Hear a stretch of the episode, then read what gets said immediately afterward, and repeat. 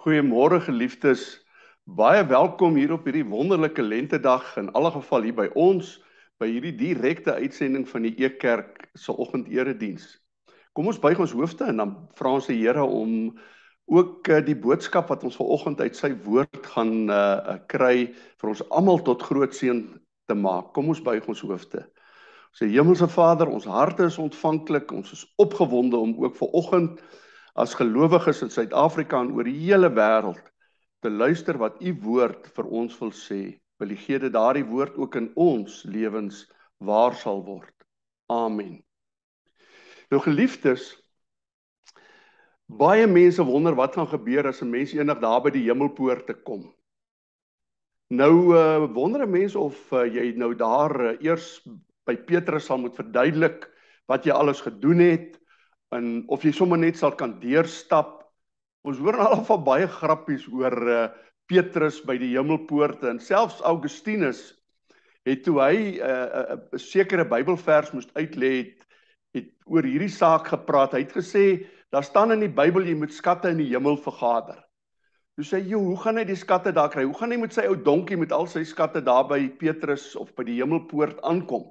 Hy kan nie eers van een dorp na 'n ander dorp al sy goed vervoer nie, hoe nog hemel toe. Toe sê hy maar hy gaan 'n plan maak. Hy gaan vir elke mens met wie hy te doen kry in hierdie wêreld, gaan hy ietsie gee. En as daai ou by die hemel kom, gaan gaan uh, Petrus daai goed vat in een kant sit. En as Augustinus eendag daar kom, gaan Petrus hom sê daar's al jou skatte, want die mense het dit aangedra. Nou ja, so wonder die mense nou maar wat gaan met ons gebeur as ons daar by die hemel kom? Maar kom ons lees wat sê die Bybel wat gaan gebeur. En ek gaan twee gedeeltetjies lees en ek wil hê julle moet baie mooi luister. Ek gaan uit die Nuwe Nuwe Testament lees. So as dit bietjie van julle sin verskil, dan weet julle waarom. Ek gaan lees die eerste gedeeltetjie uit Openbaring 20. Dit vertel ons nou wat gaan gebeur hier net voor ons in die hemel ingaan. Nou in Openbaring 20 staan daar vanaf vers 11 Ek het 'n groot wit troon gesien. Ek het iemand daarop sien sit. Sy voorkoms en sy teenwoordigheid was so vreesaanjaend dat die aarde en die hemel weggevlug het. Daar was geen plek waar hulle kon wegkruip nie. Ek het ook al die dooies gesien. Al die belangrikes en onbelangrikes was daar. Met ander woorde, die hele wêreld het daar vergader. Hulle het voor die troon gestaan toe is die boeke oopgemaak waarin alles geskryf staan luister nou wat mense gedoen het al hulle dade. 'n ander boek is ook oopgemaak. Dit is die boek van die lewe waarin gelowiges se name geskryf is. Toe is die dooies geoordeel luister nou op grond van al hulle dade. Dan gaan die gedeelte so aan om te sê die wat se dade goed is is hemel toe en die wat se dade nie so goed was nie het dit nie gemaak nie dit is hulle is na die uh uh verderf toe om dit nou maar so te stel. Maar 'n ander gedeelte is nog duideliker. Dit is nou die uh Matteus wat skryf in Matteus 25. Skryf hy die volgende: Wanneer die seun van die mens met al sy engele kom Dit is hier van vers 31 af. Uh sal almal sien hoe groot en belangrik hy is. Dan sal hy op sy uh, uh, heerserstroon gaan sit. Al die mense van oor die hele wêreld sal voor hom bymekaar gebring word. Hy sal hulle in twee groepe verdeel, soos 'n herder skape van bokke skei. Hy sal aan die skape aan sy regterkant laat staan en die bokke aan sy linkerkant. Dan sal die koning vir die skape aan sy regterkant sê: My Vader praat met soveel lof van julle. Kom, julle ontvang die nuwe wêreld van God van sy skepping af wat God van sy skepping af vir julle voorberei het. Weet julle waarom? Ek was honger en julle het vir my kos gegee om te eet. Ek was dors en julle het vir my iets gegee om te drink. Ek het nie slaapplek gehad nie en julle het vir my in julle huise verwelkom. Toe ek nie klere gehad het nie, het julle vir my klere gegee. Ek was siek en julle het my versorg en julle het my by my kom kuier selfs toe ek in die tronk was. En dan vra die mense vir hom: "Here, wanneer het ons al hierdie dinge gedoen?" En dan antwoord hy: "Glo my." En dit is in vers 40. Eh, Glo my in soverre as wat julle dit vir my eh, ag in soverre as wat julle dit vir een van die onbelangrikstes in God se familie gedoen het, het julle dit vir my gedoen. En dan in vers 44 uh die die ongelowige sal dan vra maar maar uh, waar het ons dit nie gedoen nie? Dan antwoord uh, of dan vra hulle hom Heer wanneer het ons u honger of dors gesien? Of sonder blyplek of klere of siek of in die tronk en u nie gehelp nie? En dan sal die koning hulle antwoord glo my in soverre julle dit nie vir een van hierdie onbelangrike mense gedoen het nie het julle dit ook nie vir my gedoen nie. Hierdie mense sal vir ewig gestraf word. Die wat egter God se wil gedoen het, sal vir ewig lewe. Nou dit mag miskien 'n verrassing wees want hier hoor ons hoe die uh, ewige uh, oordeel gaan plaasvind. Dat die Here boeke gaan oopmaak en gaan kyk wat mense gedoen het. In Matteus lees ons dat hy sê ek gaan kyk wat julle gedoen het en as julle nie gedoen het wat my wil van julle gevra het nie, naamlik om om ander mense te help en al die dinge wat ons gelees het, dan gaan julle nie in die koninkryk van die hemel inkom nie. En nou sê julle vir my sê wag, wag, wag so bietjie. Wil jy vir ons sê dat ons geoordeel word volgens ons dade? Want van jongs af vertel die dominees vir ons dat ons op deur ons geloof gered word. En dit staan ook in die Bybel, daar staan aan elkeen wat glo in Jesus Christus, hy sal die ewige lewe hê. Dit staan op baie plekke. Jy kan maar in die evangelie van Johannes gaan lees. Daar word geloof as die belangrike element beskryf. Hoe werk dit dan nou dat die een plek sê geloof en die ander plek sê nee, dit gaan oor dade? En die groot probleem is eintlik dat 'n mens baie praters kry. As 'n mens byvoorbeeld in 1 Johannes 1 gaan lees hier van vers 5 6 af, dan staan daar God is lig. En as mense sê dat hulle in die lig is, met ander woorde hulle praat, sê ek glo, ek is 'n uh, deel van God se familie, ek behoort aan God. As hulle so praat, maar hulle wandel in die woord wat daar gebruik word beteken algemene optrede in die wêreld.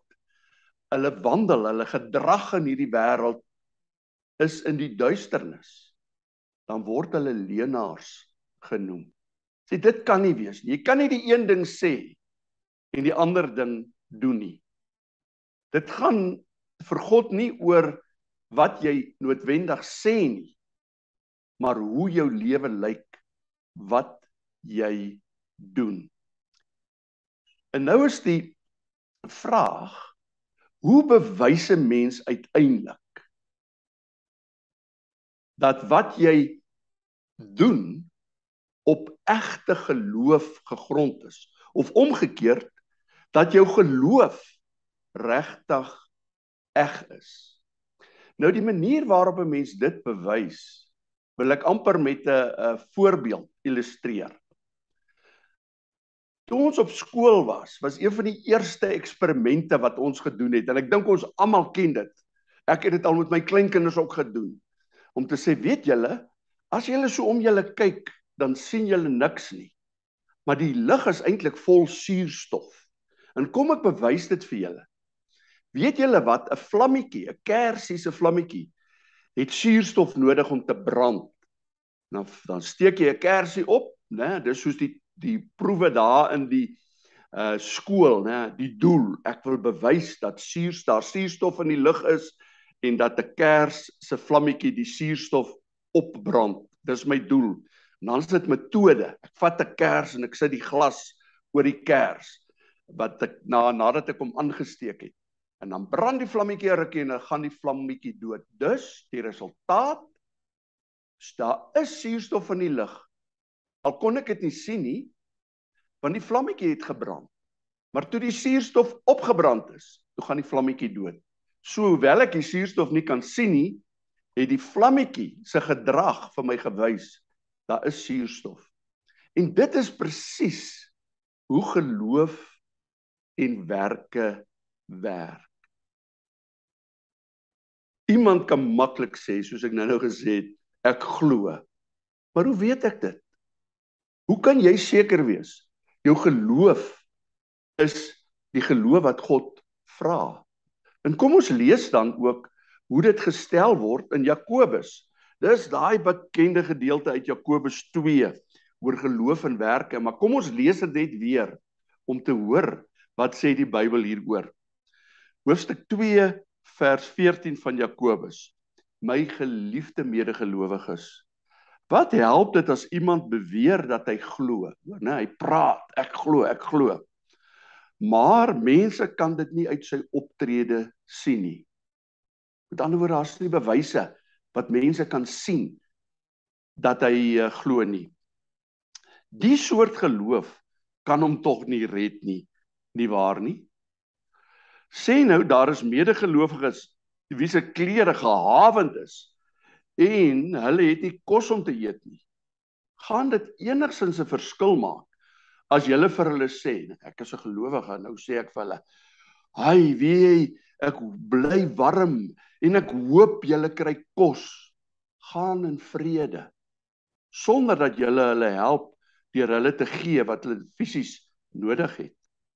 Allermins want geloof alleen sonder optrede wat daarby pas is mors dood iemand sal jou uitdaag jy het geloof en ek het dade bewys my jou geloof sonder dat jy iets doen en natuurlik kan 'n mens nie.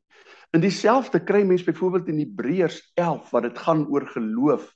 Jy moet daar kyk dat 'n hele ry, ons noem dit die galery van die gelowiges, die geloofshelde. Die hele galery word so een na die ander genoem, die Ou Testamentiese geloofshelde. Daar staan hulle het geglo, maar hoe het hulle dit bewys?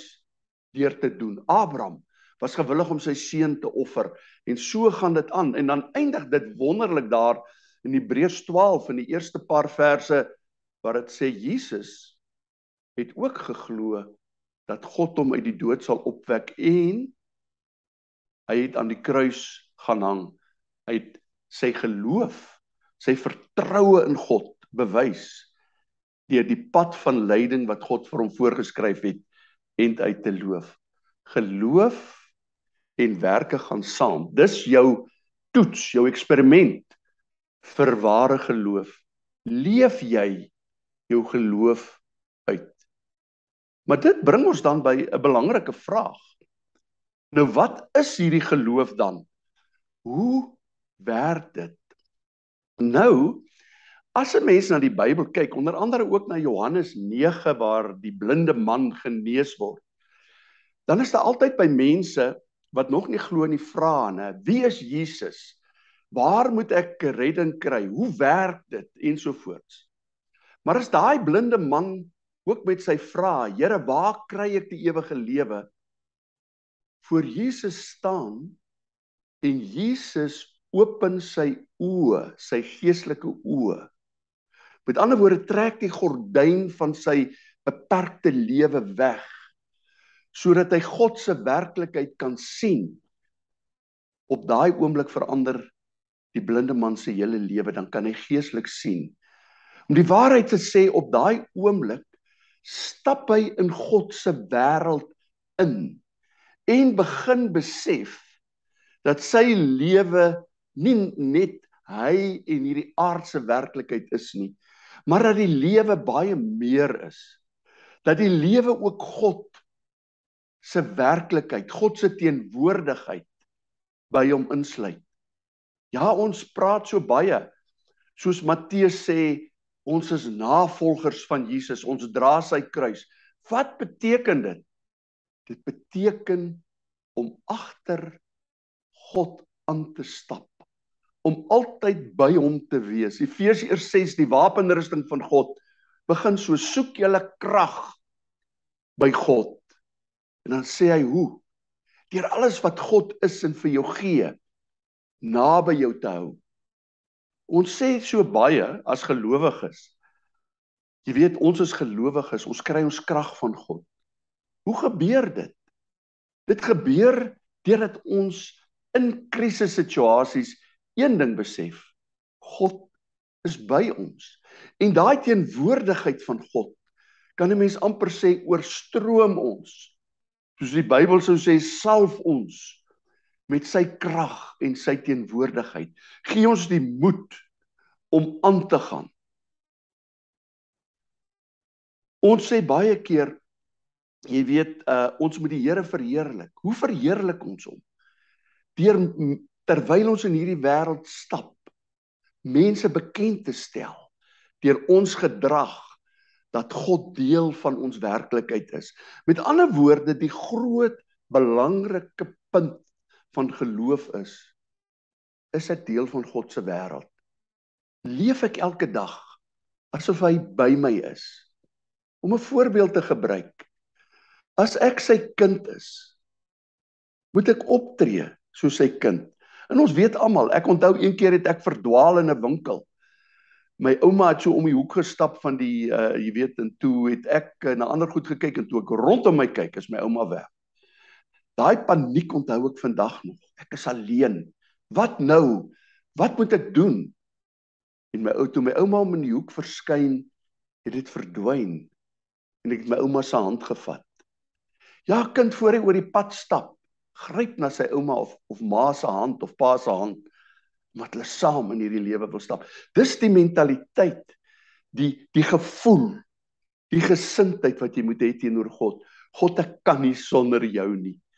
U is my redding, my hulp, my krag en daarom wil ek naby u leef. Dus die groot geheim leef in God se teenwoordigheid.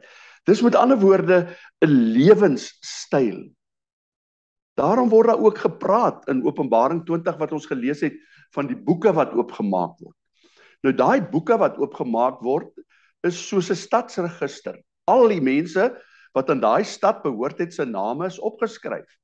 Die ou uh, mense was ook baie administratief uh, presies as dit daarom gaan hulle wou weet wie's in die stad en wie nie wie behoort daar te bly en wie nie want dan kom maklik vyande inkom.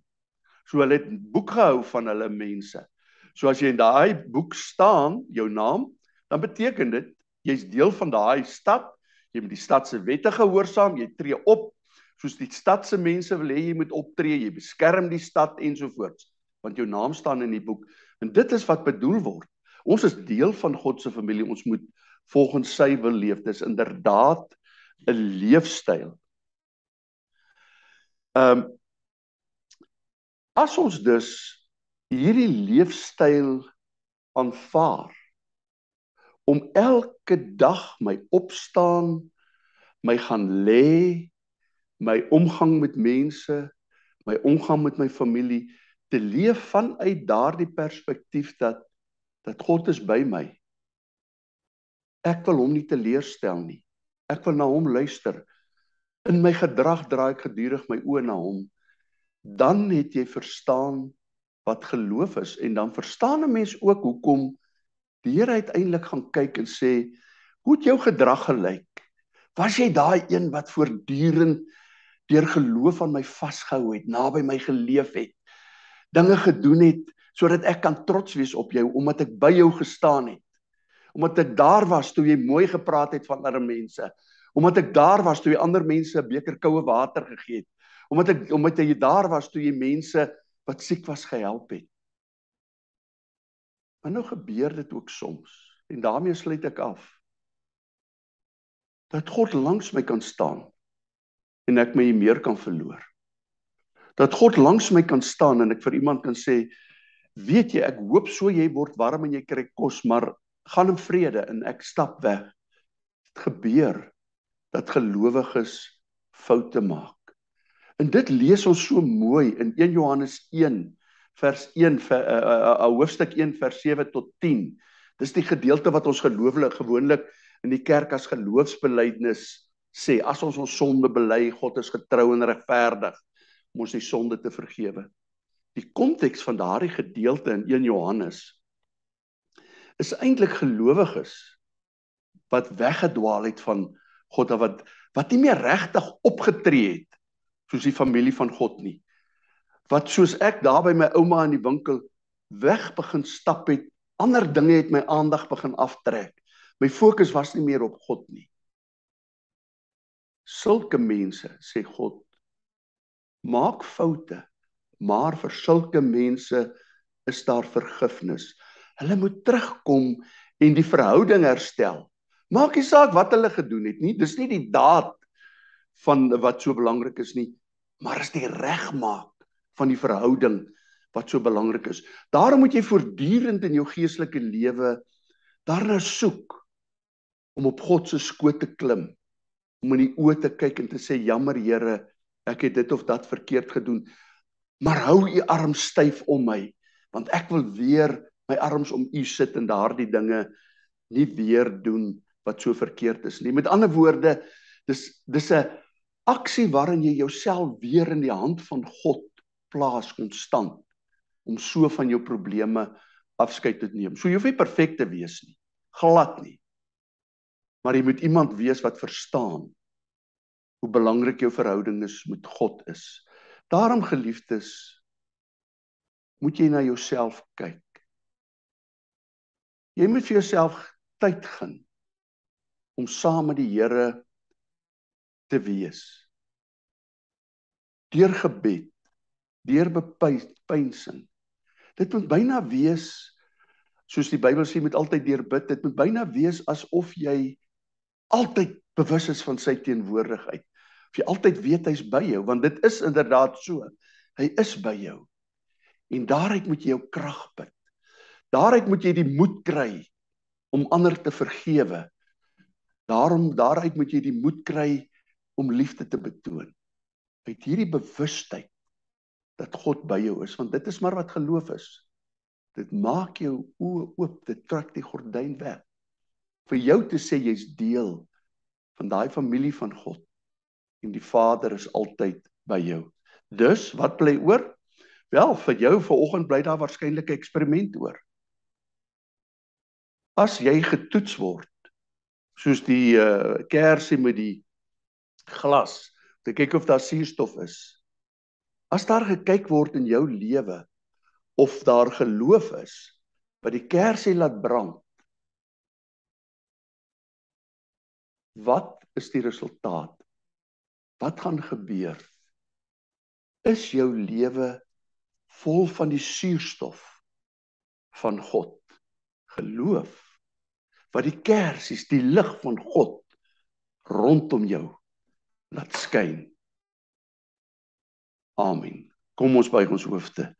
Here, wil U gee dat U suurstof, U geloof wat U in ons harte gee, die lig in hierdie wêreld sal wees. Amen.